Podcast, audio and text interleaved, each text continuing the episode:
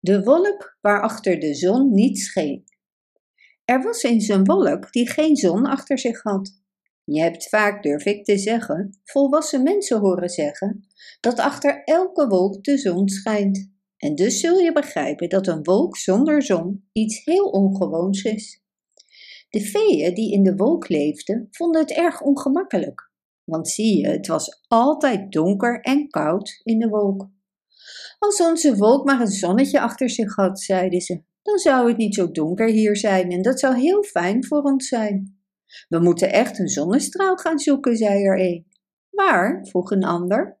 Geen idee. Dan moeten we op pad gaan. Het is belachelijk om in het donker en de kou te blijven leven. Andere veeën hebben comfortabele wolken boven hun hoofd. En waarom zouden wij altijd in het donker moeten zijn? Waar vind je een zonnestraal? vroeg een van de veeën. Er zijn heel veel soorten stralen, zei een vee die veel op de wereld was geweest. Stralen van de zomer zijn erg heet. Stralen van de winter zijn lekker verwarmend. sommige stralen schijnen de hele dag en andere nauwelijks. We zouden ook de zwakke stralen van de maan kunnen proberen. We moeten ze allemaal proberen en zien welke de beste is, zei een andere vee. Ze praten er nog een tijdje over want zo'n belangrijke kwestie kon niet in haast worden geregeld. Eindelijk werd afgesproken dat drie van hen zouden wegvliegen en op zoek zouden gaan naar wat zon om hun wolk mee te beschijnen.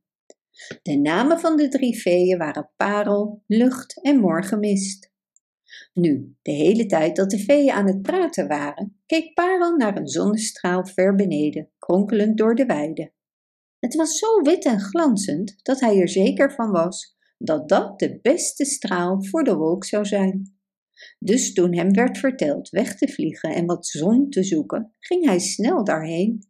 Hij spreidde zijn vleugels, de zachte grijze vleugels die wolkenveeën hebben, en hij vloog heen en weer, weg van de wolk naar de weide waar de straal scheen. Hoe dichter hij erbij kwam, hoe meer het glinsterde. Maar hoe kon hij het dragen? De pet van een vee is niet erg groot en hij had niets anders. Ik moet gewoon een klein beetje tegelijk naar boven dragen en dan terugkomen voor meer. Ik moet doorgaan tot er genoeg stralen zijn om de wolk mee te verlichten, zei hij tegen zichzelf. Dus vulde hij zijn petje met wat stukjes van de straal en vloog weer omhoog naar zijn wolk, terwijl hij het petje heel voorzichtig droeg, uit angst de straal te morsen. Toen ging hij naar de achterkant van de wolk waar de zon had moeten zijn en goot de stukjes uit zijn pet. Nu, zoals ik durf te zeggen dat je al geraden hebt, een paar stukjes van zo'n straal waren niet genoeg. Dus toen het uit de pet werd gegoten, viel het recht door de wolk. Ik hoef niet te zeggen dat de andere veeën erg geïrriteerd waren. En ze maakten zoveel opschudding, sputterend en mopperend, dat Parel hen door de wolk heen hoorde en ging kijken wat er aan de hand was. Wat we willen, zei een van hen boos, is genoeg warmte en licht voor altijd, niet voor even. Het spijt me enorm, zei Parel, maar ik dacht echt dat het zo genoeg was. Het is zeer ongelukkig. Ik kan het helemaal niet begrijpen. De zonnestraal zag er zo mooi uit. We hopen dat lucht meer geluk zal hebben, mopperde de veeën. Lucht wachtte ondertussen aan de kust, ver onder de wolken. Hij wachtte tot de maan boven de zee uit zou komen. Hij moest lang wachten, maar dat vond hij niet erg, want er zijn altijd aardige veeën om mee te praten aan de kust. Eindelijk zeilde de grote ronde maan langzaam de lucht in. Op hetzelfde moment stormden honderdduizend maneschijnveeën over de zee naar lucht, vliegend en dansend op het water. En ze namen een grote straal licht mee toen ze kwamen. Want de maneschijnveeën dragen stralen met zich mee, waar ze ook heen vliegen, en strooien het onderweg uit. Dit was het moment waarop Lucht had gewacht. Alsjeblieft, mooie maneschijnveeën, riep hij, terwijl hij naar de waterkant rende en zijn armen uitstak. Geef me wat van je stralen om mijn wolk mee te belichten. Toen dansten de maneschijnveeën naar hem toe over de zee met hun kleine handjes vol stralen. Ze goten de stralen uit hun handen in de zijne. En omdat de stralen van de maneschijnveeën heel zwak zijn, kon hij er veel dragen. Hij vulde de zakken van zijn mooie grijze jas ermee, vulde zijn pet en nam een hoeveelheid in zijn handen. En hij nam afscheid van de maneschijnveeën en vloog weg naar de wolken. Toen de andere wolkenveeën de prachtige maanstralen zagen die hij had meegebracht, waren ze opgetogen. Ze gingen allemaal aan het werk om de wolk ermee te belichten. Toen ze klaar waren, zag het er prachtig uit en de veeën waren er erg blij mee. Ze gingen onder de wolk zitten en voelden zich best warm en belicht. Maar helaas duurde hun tevredenheid niet lang. Even later verzwakten de stralen. De veeën keken elkaar aan en voelden het al snel. Het werd weer koud en donker. En al snel waren de veeën zo ongemakkelijk en boos, alsof de wolk nooit die stralen had gehad. Het was echt heel vervelend.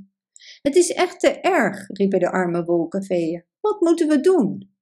Misschien, zei een van hen die graag opgewekt was, kan morgenmist ons goede stralen brengen. Dus besloten ze niet meer te mopperen tot morgenmist thuis kwam. Nu, toen morgenmist op zoek ging naar stralen, vloog hij helemaal niet naar de aarde. Elke wolk, behalve de onze, heeft een zon achter zich, zei hij tegen zichzelf. Dus de beste manier om het juiste soort zonnestralen te vinden, is door het aan de veeën te vragen die in de andere wolken leven. Hij zag de wolken overal om zich heen, elk helder en verwarmd. Hij ging naar de dichtstbijzijnde en sprak met de veeën die erin woonden. Veeën, zei hij, waar kan ik zonnestralen vinden om van mijn wolk net zo'n lekkere warme lichte wolk te maken als die van jullie?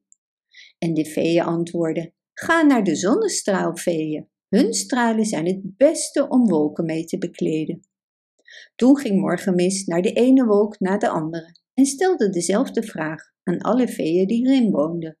En ze antwoordden allemaal: Ga naar de zonnestraalveeën. Hun stralen zijn het allerbeste. Dus Morgenmist vloog weg naar de dichtstbijzijnde zonnestraal. Het was er druk met veeën die allemaal hard aan het werk waren want de zonnestraalveeën hebben meer werk te doen dan alle anderen. Terwijl ze aan het werk waren, lachten en zongen ze, want de zonnestraalveeën zijn altijd blij. Alsjeblieft, lieve zonnestraalveeën, zei Morgenmist, ik wil wat stralen om mijn wolk mee te verwarmen. Toen riepen alle zonnestraalveeën, oh nee, hebben jullie geen zon achter jullie wolk? Dat is onze fout. Sorry, we hebben jullie wolk over het hoofd gezien. Terwijl ze spraken, haasten ze zich allemaal naar het einde van de zonnestraal. En voordat morgenmist wist wat ze gingen doen, hadden ze er een groot stuk van afgesneden. Daar lag het op een glanzende hoop. Morgenmist moest zijn ogen verduisteren, omdat de zilverachtige helderheid hem verblindde. Zonnestralen, zongen de veeën, de zon is het beste van allemaal. Toen spreidde morgenmist zijn vleugels en vloog naar huis de zonnestraal achter zich aanslepend. En alle veeën in zijn eigen wolk verwelkomden hem met geschreeuw en gezang, omdat ze meteen zagen dat hun probleem opgelost was. Ze stopten snel de stralen achter hun wolk en ze hadden het nooit meer koud en ze zaten nooit meer in het donker. Bedankt voor het luisteren. Wist je dat je dit verhaal ook op onze website ririro.com/nl kunt lezen, downloaden en printen?